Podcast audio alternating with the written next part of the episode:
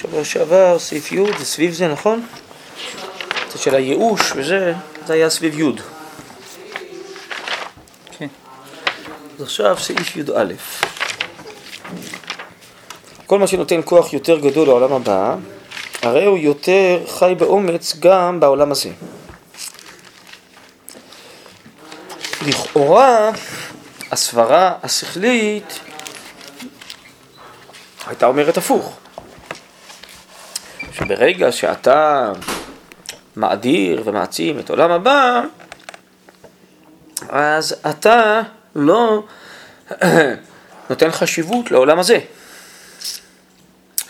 אבל ההסתכלות, איך אה, שהרב קורא לזה, של המהות הפנימית, של הסוד, היא מביאה בדיוק למהלך הפוך. תסתכלו רגע בתחילת סעיף י"ג, הרב אומר ככה, בנושא של הנס והטבע, החול והקודש, אז הרב אומר, תכונת עוד השם ליראיו היא המלמדת את הכבוד אשר ירחש האדם אל הטבע. על ידי כבודה האמיתי הרי הוא מעלה אותה, כן, את הטבע, מסגבה ומרוממה. כי דווקא המבט העמוק יותר הוא מלמד שהטבע הוא לא סתם טבע, כן? הטבע הוא בעצם אלוהי. הטבע הוא בעצם הופעה של מגמות אלוקיות במדרגת חול, במדרגת טבע. אז מי שמסתכל בעיניים אנושיות, הטבע זה גוף, זה טבע, זה נראה כאילו אה, סתמי. אבל הסוד הוא מביא לאדם את המבט המהותי, הפנימי, המגמתי. כל הטבע הוא כל כולו, כן, הופעת השם, ויש לו תפקידים שגנוזים בו. אז לכן דווקא ההסתכלות הסודית מבפנים היא גורמת שאנחנו נכבד את הטבע הרבה יותר מאשר אם לא היינו מסתכלים מבפנים, אלא רק מבחוץ. אז על אותו משקל זה גם תחילת הסעיף אצלנו בסעיף י"א, שכל מה שנותן כוח יותר גדול לעולם הבא, הרי הוא יותר חי באומץ גם בעולם הזה. הרי ככה תמיד רבינו הרב צודה היה אה, מביא, שחז"ל דימו את עולם הבא ועולם הזה לפרוזדור וטרקלין. שבעצם קיביה השם צור עולמי, שני העולמים מחוברים זה לזה. והאור של הטרקלין מאיר וחודר גם לתוך הפרוזדור. אז אה, בעצם, אם ככה, עולם הזה הוא לא סתם עולם הזה, הוא עולם שיש בו גם כן קצת ניצוצות, מגמות, הערות של הופעת עולם הבא, עולמך תראה בחייך, או שחכמים היו מברכים זה את זה מסכת ברכות. עולם הבא קיים גם עכשיו, אומר הרמב"ם, בעצם עולם הבא הוא תוכיות עולם הזה. הוא הנשמה הפנימית של עולם הזה, זה עולם הבא. עולם הבא זה קליפת עולם הבא. אז אה, מי שנותן יותר כוח ומבין שיש עולם הבא עשיר בהתעלות, באלוקיות, בקדושה, אז ממילא הוא גם מחשיב הרבה יותר את עולם הזה, העולם הזה וחיי השעה בעולם הזה זה התנוצצות הנצח, התנוצצות עולם הבא, התנוצצות המגמות. זה לא סתם, כן? אבל שוב, זה כמובן מי שנותן כוח לעולם הבא, וזה מצד ההסתכלות הסוטי, הסודית, כמו שהרב קורא לזה בסעיף י"ג, שמבינים שעולם הבא זה תוכיות עולם הזה. והדבר, אומר הרב, מתבחן בישראל עניין בעניין האומה. כן? כל המאמץ את חיי עולם, הרי הוא בונה את האומה בפועל. חיי עולם, איזה עולם? עולם הבא, כן? מי שמאמץ את חיי עולם הבא, כן? אז הוא בונה את האומה בפועל, בפועל הכוונה היא בעולם הזה, בטבע ובגוף. למה? כי חיותם הלאומית של ישראל המשך היא מהצלחת עולמים. עולמים זה העולמים העליונים, זה המגמות האלוקיות האינסופיות. אז כל מה שיש עם ישראל, והוא נמצא בארצו, ויש לו סדרי מלכות, זה המשך, כן? זה צינור, זה כלי שהמגמות האלוקיות תופענה על ידו במציאות. אז זה לא סתם איזו התאגדות של אנשים כמו בשאר האומות העולם העוברות מן העולם, זה לא סתם העיקר זה הפרטיות והחומרנות והעולם הזה, לא, אצלנו, כן, האומה והארצה ובניינה זה בעצם שכל המגמות האלוקיות וכל הנצח האלוקי יתנוצץ ויופיע בעולם הזה, כן?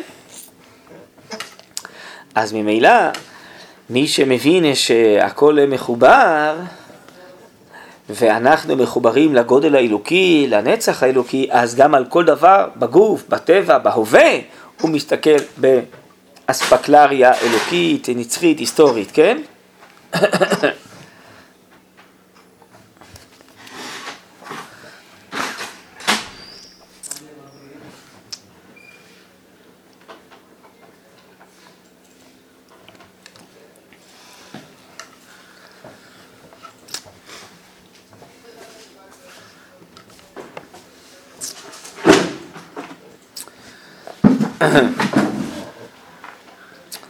אז אם כן נקרא את זה ברצף, מההתחלה.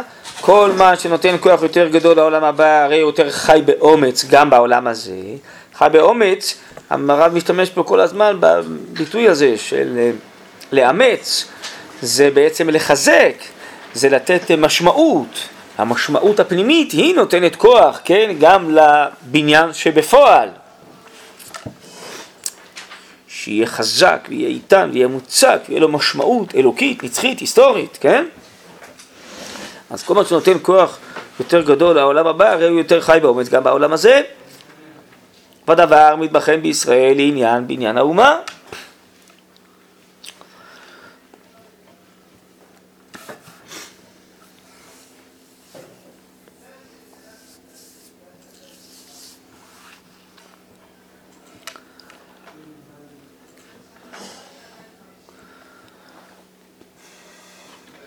כל המאמץ את חיי העולם הבא, הרי הוא בונה את האומה בפועל, כי חיותם הלאומית של ישראל המשכו מהצלחת עולמים.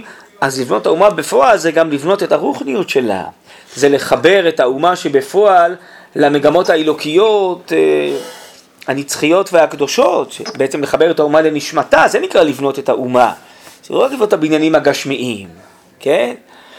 בבניינים הגשמיים יש גם בשאר העמים, אבל לבנות את האומה זה לחבר בינה לבין האלוקיות. זה הנצח של האומה, זה התוקף האמיתי והעמוק של האומה, כן?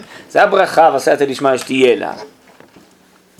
הלאה, זהו הגורל של תורה שבעל פה, זהו הגודל, סליחה, של תורה שבעל פה, שעמדה להשגיר את חיי העולמים במלוא מובנם באומה. להשגיר הכוונה היא לחבר, להנחיל.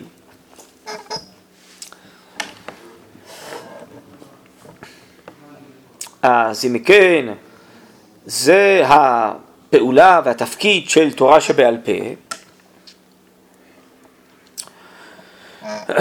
שבעצם עניינה להביא לכך שכל הרוחניות של תורה שבכתב היא תחול בחיים אה, של האומה בפועל ושאנחנו נחיה על פי הקדושה האלוקית על ידי המצוות.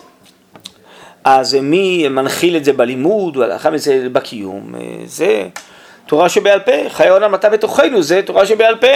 כל תורה שבעל פה עניינה בעצם החיוניות האלוקית שזורמת בתוכנו, מתוך כך אנחנו יודעים גם כן מה המחשבות הנכונות ומה המעשים הנכונים של המצוות, כן? איך לחבר בין העולמים. תורה שבכתב זה השפע האלוקי הזה של כל העולמות. מהתורה שבכתב אומר המהר"ל מפראג, נבראו הן עולם הזה והן עולם הבא. אבל עכשיו, מי מחדיר את זה לתוך החיים, כן? ומלמד אותנו איך לשמור את כל התורה שבכתב, את כל המצוות, איך לחבר את זה לחיים של הפרט, של המשפחה, של חיי הציבור, של האומה בפועל, זה תורה שבעל פה, נכון? אז זהו הגודל של תורה שבעל פה, שעמדה להשגיר את חיי העולמים במלוא מובנם באומה. ולהוציא מליבם של צדוקים, שהתלהבותם הלאומית דמתה ללהבת של תבן, שנשתלהבה ודעכה ואיננה לומר, את השם אלוקי ישראל מן העולם ועד העולם. נכון? הרי זה מה שהמשנה אומרת, לא? כאילו המיני, מסכת ברכות, נכון? בהתחלה היו אומרים במקדש מן העולם, וכאילו המיני אמרו, הנה למה אלא אחד, היו צריכים אה, להדגיש ולהוסיף שיהיה ברור מן העולם ועד העולם. נכון? כן? אז אה, הרב אומר שבעצם המינים האלו שמוזכר שם במשנה זה קשור לכל ההשפעה גם כן של הצדוקים, נכון? וביקשתי שיהיה לכם שבת, אז אולי אחרי מנחה, אם תוכלו אז נלמד מסכת שבת, שם הרב אומר זה גם קשור להשפעות היווניות, כן, הרב מקשר בין כל הדברים האלה, שבעצם אצלהם אה, היה לאומיות, אבל לאומיות בלי תורה שבעל פה, נכון? הרי הצדוקים חלקו על הפירושים לחכמי תורה שבעל פה ולא פירשו. אז זה לא רק איזה עניין של אה, מחלוקת בכמה פירושים, אלא הם אה, לא בעצם אה, האמינו שהתורה שבעל פה היא זאתי שמחברת ומזרימה את החיים האלוקיים לתוך האומה. לא בפירושיה ולא בהנהגתה ולא במעשיה, כן? אז ממילא בסוף אז אה, הם היו עם התלהבות לאומית, אבל לאומיות בסוף אצלם לא הייתה קשורה לרוחניות של התורה, ואצלם העולמים לא היו מחוברים, כן? וההשפעות שלהם אה, בעצם אה, אמרו אין עולם אלא אחד. אז חכמים ראו שצריך לתקן ולהגיד במקדש מן העולם ועד העולם, דהיינו אצלנו עולם הזה ועולם הבא מחוברים. ומי שמתנגד לתורה שבעל פה, כמו הצדוקים, בעצם בסוף הוא מנתק בין החול לבין הקודש, מנתק בין הלאומיות לבין האלוקיות, כן? ואצלו זה לא כל זה הופעת השם. אז זה לא במקרה אותם המחלוקות, גם עם הצדוקים שהיו בכל מיני עניינים של תורה שבעל פה. איך לפרש את הפסוקים, וקורבן התמיד, וקורבן הפסח.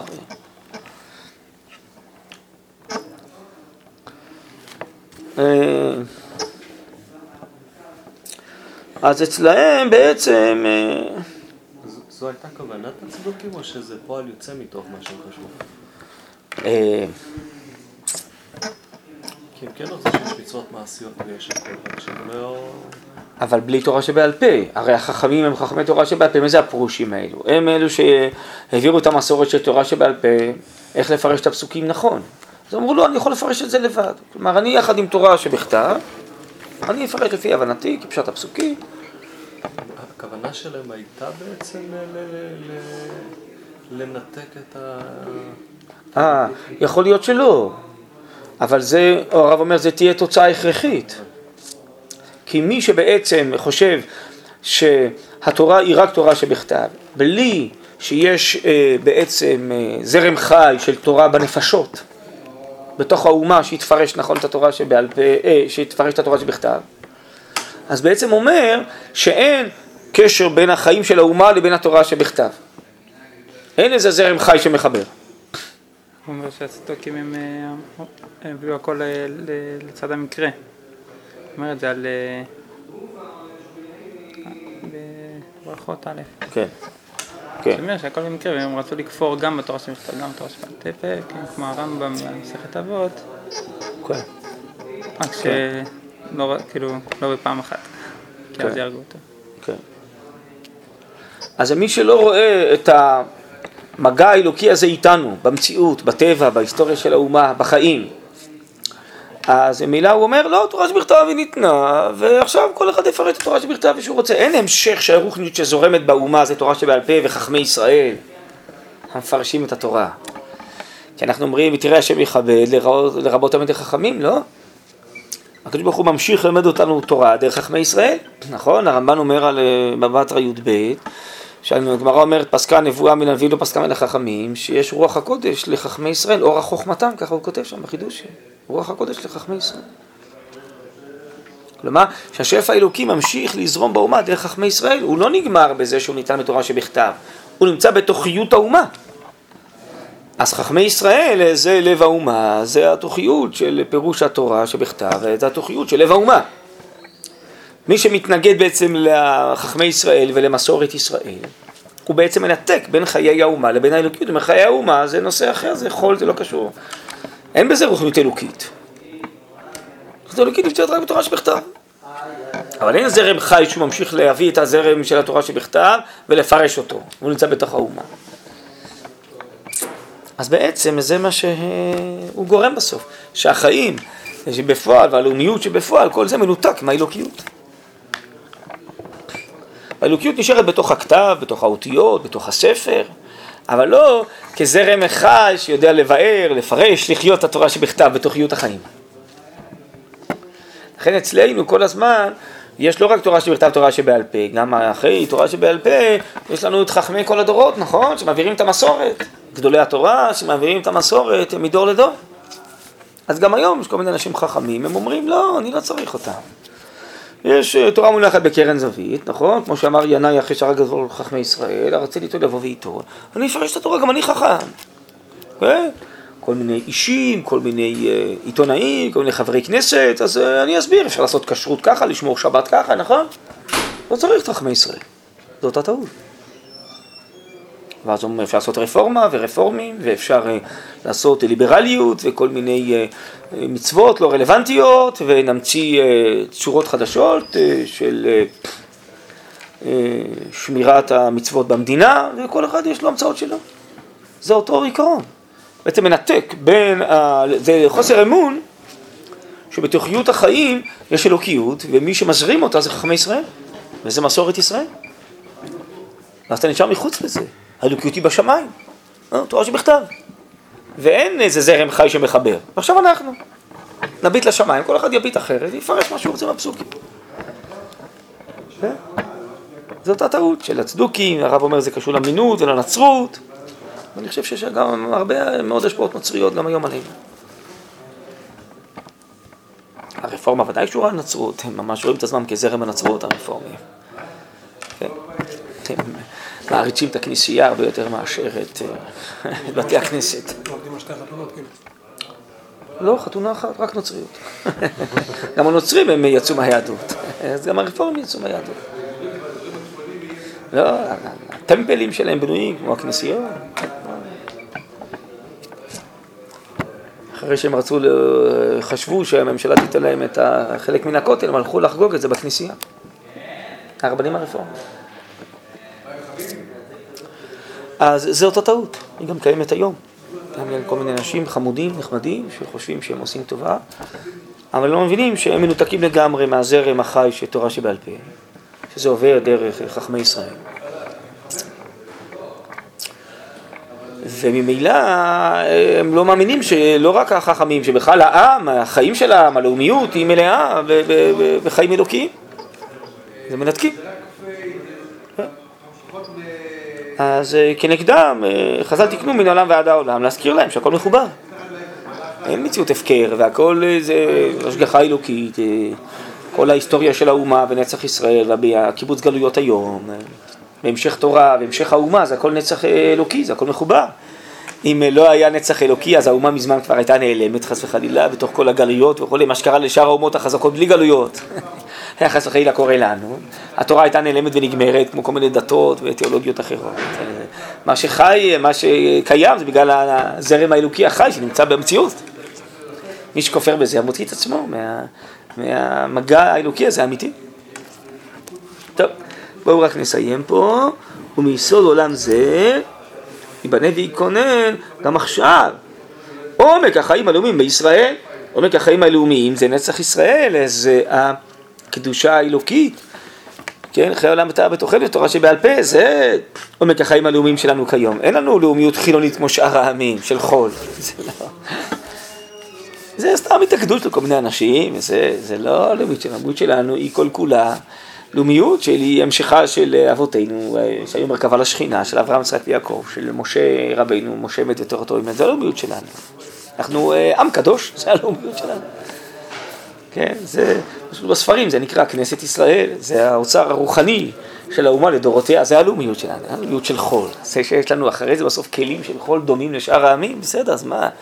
גם הגוף של היהודי דומה לגוף של גויים, אבל בתוכו נוססת נשמה אלוקית שאין לה גויים. אז גם מערכות המדינה והארץ נראים אה, אותו דבר מבחוץ. אז מה, אבל השאלה אם העפר הזה של הארץ הוא קדוש, האם בתוך לאומיות ישראל מלכות ישראל נוססת קדושה אלוקית או לא, האם אלוקים מתעלה בקרב מחניך ונהיה שם אלוקיך בה או לא, זו השאלה, זה לא איך זה נראה מבחוץ. כל הלאומיות שלנו זה עומק החיים בישראל, זה אלוקי. מסוד עולם זה ייבנה ויתכונן גם עכשיו עומק החיים הלאומי בישראל, ויתגדל בניין הארץ. וכל האימוצים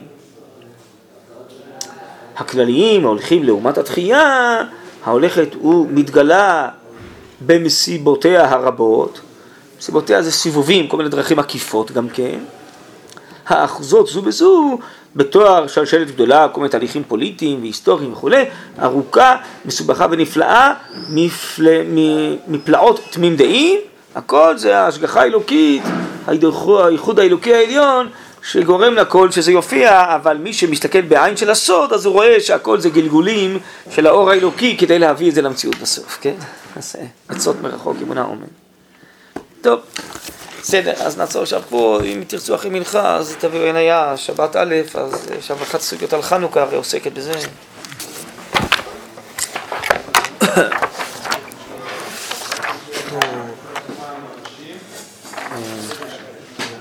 נכון, עמוד 64, כן.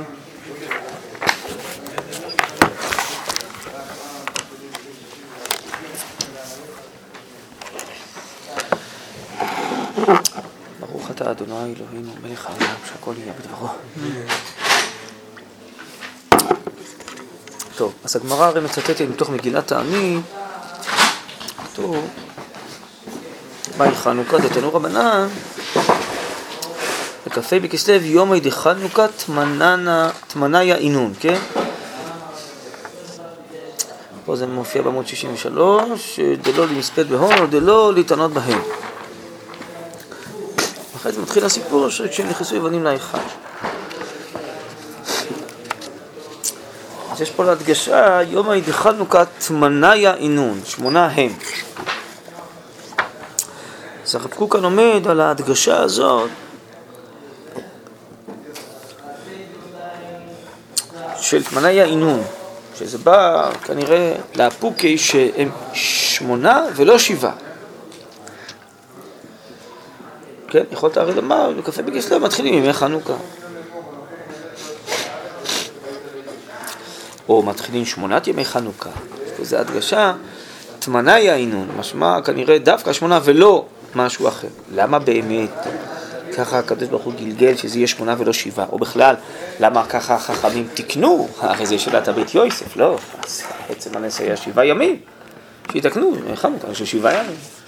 יום אחד, היום הראשון לא היה נס, אלא אם כן תגיד שזה נס המלחמה, אחד התירוצים. הנס היה רק שבעה ימים, לא שמונה, ליום אחד זה היה אמור להספיק. לא, זה היה חשוב לחז"ל לקבוע שמונה ולא שבעה. אז כאן עושה הרב את החשבון הזה בדיוק מה ש... למדנו בפסקה בספר אורות. בואו תראו. הסכום הרגיל להיקף שלם הוא שבוע של שבעה ימים. כן? זה המחזוריות של הופעת הקדושה בתוך הטבע, זה שבעה. אמנם התכלית של כל נשגב הוא קדושת שם השם בחפצו הטוב בעולם, יגלה רק לזמן העתיד שאליו פונות כל הקדושות. כן? אז ימלא שחוק פינו, נכון? אומר השפת אמת, אז א' וז' זה שמונה, נכון? זה היה מעל הטבע, זה היה נבדל, אומר המהר"ל מפראג, נכון? זה המציאות המיוחדת. אז לעתיד לבוא, הקדושה האלוקית תופיע במילואה, נכון? זה העתיד. מה קורה בהווה? אמנם גם בזמן ההווה, כוח העתיד נגלה איך הוא הולך ובא. הכוונה הולך ובא. העתיד, כמו שראינו אצלנו בסעיף, אור עולם הבא מהטרקלין גם מתנוצץ וחודר לתוכיות עולם הזה, הוא הולך ובא אלינו. נכון הרי ככה בעולת ראייה, כל ישראל יש להם חלק העולם הבא, אז הרב קוק מבאר מה זה עולם הבא, עולם שהולך ובא אלינו כל הזמן, לא הבא בתור, הבא, הוא כל הזמן בא, הוא מאיר, הוא כבר רוצה לחדור, אם נאפשר לו, נכון? עולמך תראה בחייך. אז גם בזמן ההווה, כוח העתיד נגלה איך הוא הולך ובא, כן? אז אה, פה הוא ודאי רומז לזה. וזה יגלה על ידי גלגוליהם של ישראל הנפלאים. זוכרים אצלנו בסוף הפסקה נפלאות תמים דעים, וזה הכל על הפלא. מה זה פלא פלא? לא נפלאתי ממך, זה לא מכוסה ממך, נכון? איזה כוח אלוקי טמון, מכוסה, שלא רואים אותו בעיניים החושיות הרגילות, נכון? מי ש... יש לו תכונת אז השם נראה, אז הוא רואה יותר, נכון? מאשר אחרים. כן? כל האימוצים הכלליים ההולכים לעומת התחייה הולכת ומתגלה במסיבותיה הרבות, האחוזות זו בזו בתואר שלשלת גדולה ארוכה ומסובכה ונפלאה. אה, מפלאות תמים דעים, נכון? אז זה לא במקרה הוא פה כותב את הביטויים האלה של מסובכה ונפלאה, מפלאות תמים דעים, נכון? זה קשור לזה.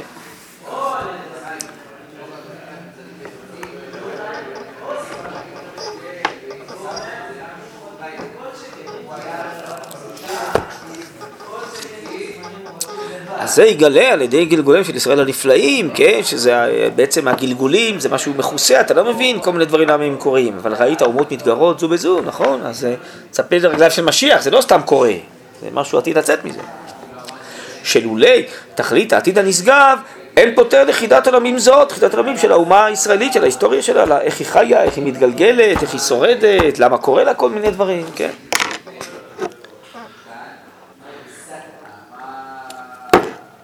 על כן, השבת היא מורכבת עם היקף הזמן ההווה המתמיד. השבת הרי זה הקדושה הכי עליונה, נכון? זה קדושת עולם הבא, לא? מעין עולם הבא, שמה יתרה. אבל השבת היא בתוך השבע, נכון? מה המהר"ל אומר? מה זה שבע? כל חומר יש לו שישה צדדים, ימין, שמאל, קדימה, אחור, מעלה ומטה. איפה השבע? הוא אומר, זה תוכיות העניין, נשמת הדבר, זה השבע, זה עצמיות, החפץ, שיש לו שישה צדדים. שבת היא נשמת המציאות, היא האלוקיות אה, שבזמן, שמתפשט לשישה צדדים, ששת ימי השבוע. ראשון בשבת, שני בשבת, נכון? תוכיות המציאות זה השבת. אתם יודעים הרי שהגמרא מסכת שבת, נפסק להלכה ברמב"ם, שולחן ערוך, שמישהו הולך במדבר ושכח מתי שבת, אז מהיום שהוא נזכר שהוא שכח, הוא מונה שישה ימים ועושה שבת, נכון? ככה נפסק להלכה. אנחנו לא מבינים את המציאות, כשהיה מדבר סיני, אז באמת, אה, מי שהיה הולך שם היה מאבד את תחושת הזמן והמקום, אנחנו היום אין לנו מדבריות כאלה, שהעם יאבד את התחושה. אז שואל ערוך השולחן, אבל היום לא שבת, אולי זה יום שלישי. נכון? הוא נזכר אה, שהוא אה, צריך להתחיל למנות ולחפש את השבת, והוא מונה ביום שהוא נזכר, נו, אולי יוצא ליום שלישי, אז זה לא שבת. זה קדושה? מה? תהיה לו קדושה? עוד פעם? תהיה לו קדושה? כן, כן, תהיה לו קדושה, נכון? וכתוב זה מפורש בפיוטים בסוף הגדה של פסח, לא? כמה ימי שבתה יש? שבעה. שבעת ימי שבתה, לא יום אחד. נכון? לעתיד דבר זה יום שכולו שבת, לא? שבעת ימי שבתה. ככה עונה ערוך השולחן. שאפשר אז הוא... לעשות- מה? אפשר לעשות שבת באמצע השבוע. כן, ככה. הוא עונה. הוא שומר את השבת של יום ראשון, של יום שני. כל ימי שבת. איך זה מסתדר עם ה... לא חייבו אותנו לשמור בעולם הזה. אין בעיה, תעשה. הנשמה היתרה, מהירה, פורצת, באופן טבעי, זה ביום השביעי. אני מבין המכוון הזה. אז אם אדם שייך לזה, יש צדיקים קדושים, אה, שבת, שפיר כאמרית, לא? חכמים אה, קוראים בגמרא, לא? אחד אומר לך, בוא, שבת, שפיר כאמרית. אמרת, טוב, מה, לא קוראים לו שבת, קוראים לו ינקל דודם, מה זה שבת? לא, שבת, מהירה במדרגת שבת. יש כל מיני סיפורים אה, צדיקים, אתם חכמים היו שומרים כל השבוע, כל מיני דברים. יש מדרגות נשגבות, הם מעבר לעולם הזה, הם סדרים אחרים, סדרים של העתיד, אבל יש כולה שבת. ככה אומר על השולחן, יש שבעה עם אה, שבת, הוא שומר שבת של יום אחד. לא חייבו אותנו בעולם הזה ככה. אבל, כן? ככה יש חתם סופר כזה, בתחילת פרק שני של ביצה כתוב, נכון, הלל ושמאי, אם נזם לנו בהמה נכון? אז שמאי מה היה אומר? הרי זה לא שבת, נכון? לא אוכל אותה היום. לא שבת, נכון? אבל הלל מה היה עושה? אוכל אותה היום. ויום יום ימוס לנו השם צורכנו, נכון? ככה אנחנו מבינים בפשט, ככה אומרים חלק מהמפרשים, אולי רש"י אפילו, זה שבת הנמצא ממנה. נכון? אבל חתם ספר בחידוש הוא אומר לא ככה, לא? הלל היה אוכל היום כי גם היום שבת. יודעים מה זה הלל? זה כל מיני שטויות, כוח די תירא, הלל זה כוח די תירא. יודעים מה זה הלל? הלל היה אומר אם אני כאן הכל כאן, אם אני כאן השכינה כאן, זה הלל?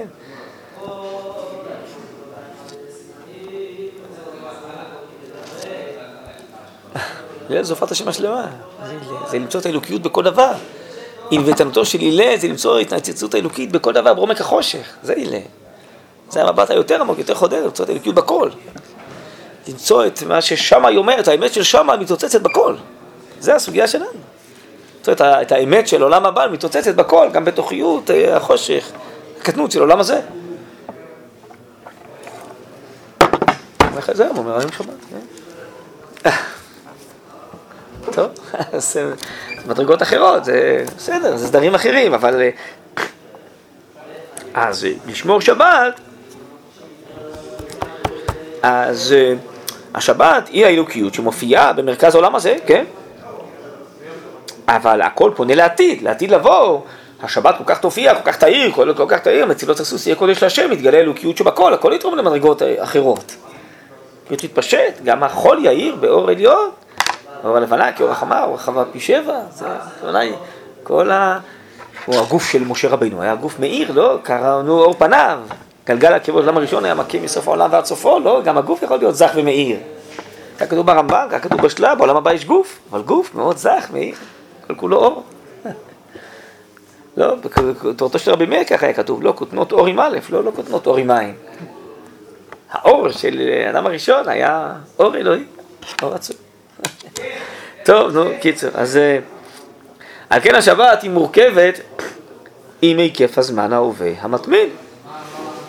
ורומז ליום שכולו שבת מנוחה וקדושה, זה רק התנוצצות של אור עולם הבא יום אחד בעולם הזה, זה השבת, אבל זה ניצוצות, זה מעין עולם הבא, לא?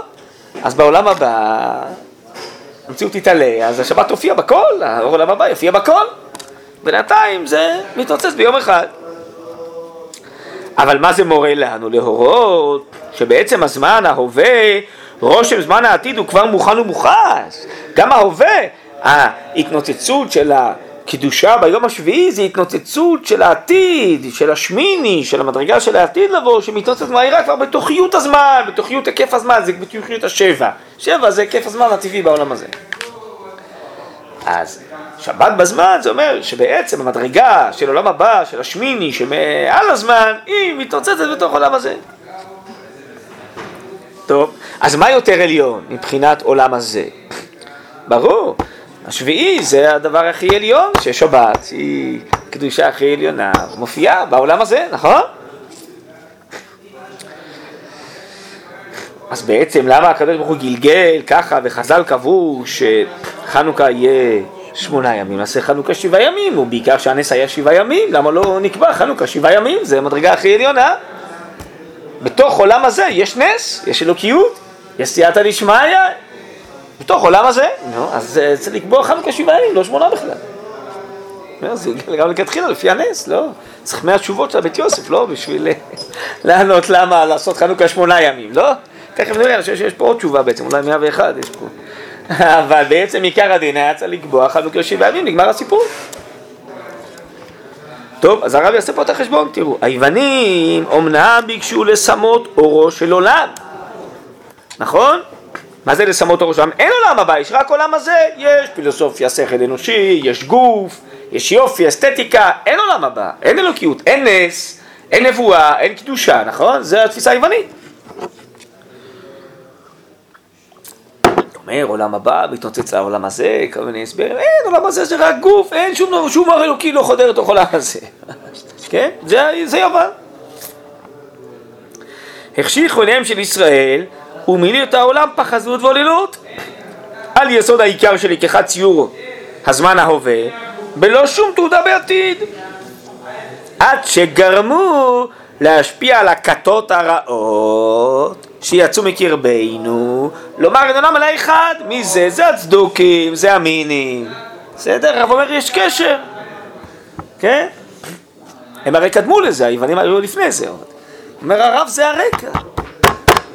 היוונים זה הרקע, אחרי זה לצמיחת גם הנצרות וגם הצדוקים, מה שראינו אצלנו. הרב אומר כן, זה מתחיל פה. שיצאו מקרבנו, לומר אין עולם אלא אחד. שבעבורם תגלו במקדש לאמור מן העולם ועד העולם. הם רוצים לחתוך ולחלק בין עולם הזה לעולם הבא, לא, זה לא שם השם אחד ביה שם י' וה' צור עולמים, יצר עולמים, לא לא, נתוק, עולם הזה לא קשור, אין עולם הבא. זה גם התרבות של היום אומרת, לא? שכל אנושי, חושים, מדע, טכנולוגיה, גוף, אין קדושה, אין רוחניות, אין אלוקיות, נכון? ככה אומרים, לא? מוליכי התרבות של היום, לא, רוחניות, קדושה זה מיסטיקה, מיסטיקה יהודית, נכון? אה, זה לא מציאות, מה? המוסר, השכל האנושי, הכל בנוי על החושים, על הגוף. כן. מנסים להחזיק אה, כל הכוח בזה, אבל זה לא כך הולך להם, זה ילך ויתפוגג, אבל זה מה שהם מנסים. תיאולוגיה הם קוראים לזה. איך תיאולוגיה, כן. כלומר, עכשיו אם כן, מה, מה ההבדל? מה שפעם אמרו מן העולם ויצטרכו להוסיף מן העולם ועד עולם. כלומר, בשעה שהזמנים מתוקנים ועיני השכל בהירות, די באמירה אחת מן העולם, והעתיד כבר נשקף. כלומר זה ברור שכל העולם הזה זה התנוצצות אור, עולם הבא. אז מספיק להגיד מן העולם, זה ברור. שהכוונה היא עולם הזה שהוא כל כולו מואר מאור עולם הבא.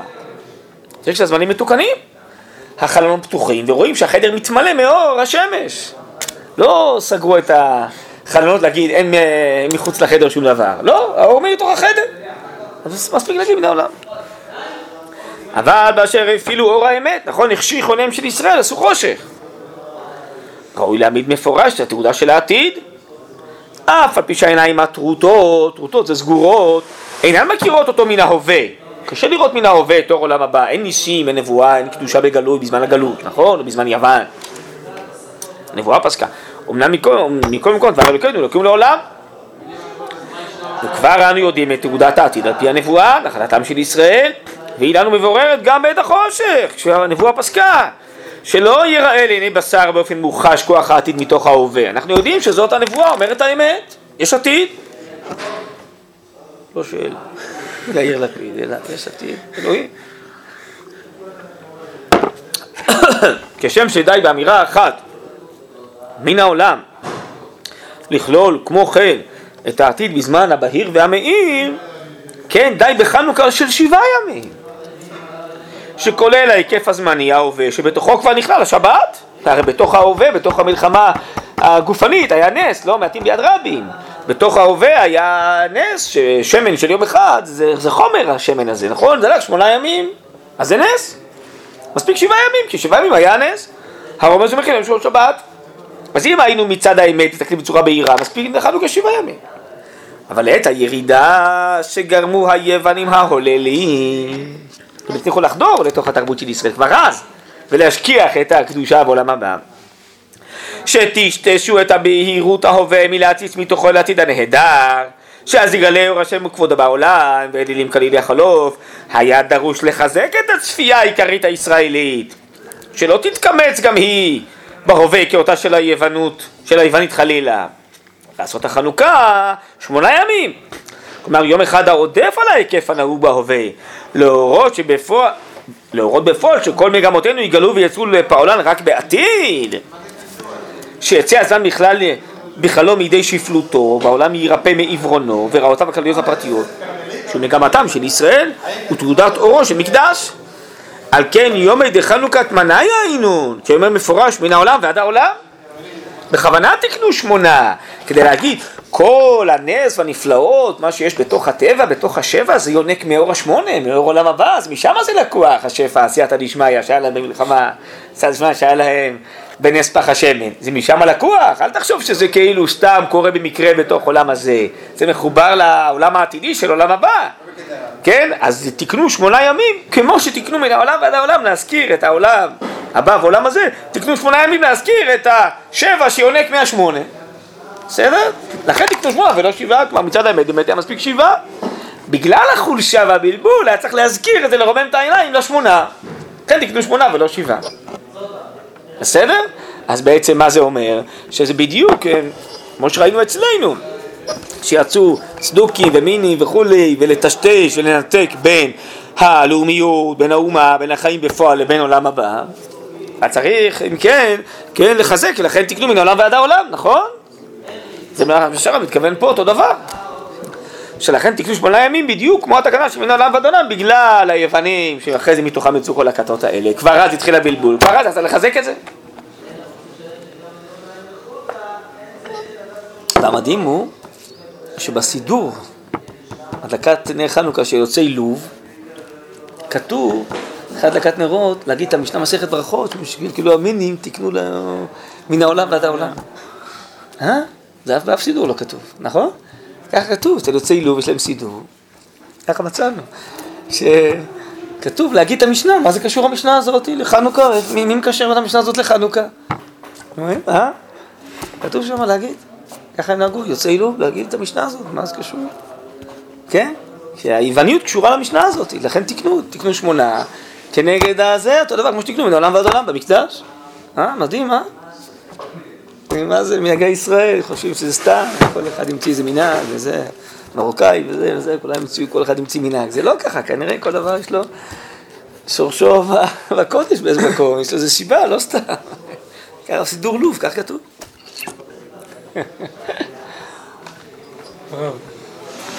הצדוקים שהיו מושפעים מהיוונים, למה הם לא ויתרו על הקדושה לגמרי?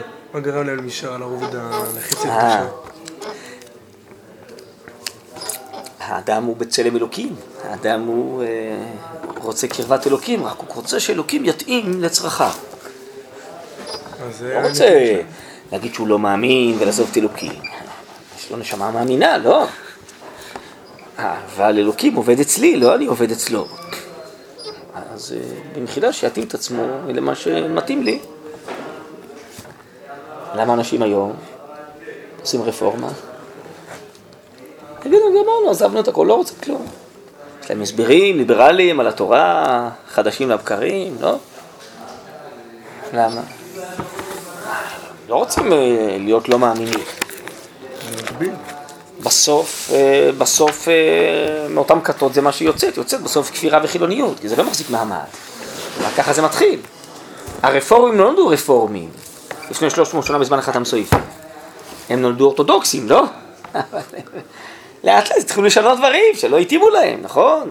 לצורכי החיים. אז הוא לא בבת אחת, הוא כאילו אומר, שמע, אני לא מאמין בה, שהוא כן מאמין, אבל אה, צריך, לה... התורה צריכה להתאים לחיים, לא? תורת חיים, לא? אז אני לא יודע בדיוק, אבל אני יכול להניח שזה אותו דבר, מה שהיה אז. הלבנים אה, החדירו כל מיני אידאות, טשטשו, בסדר, אבל אנשים נשארו, אה, בני ישראל נשארו מאמינים.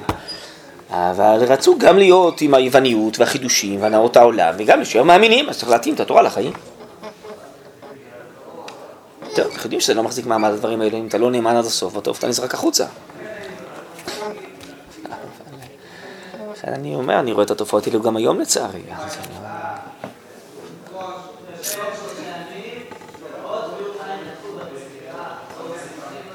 טוב, בעזרת השם.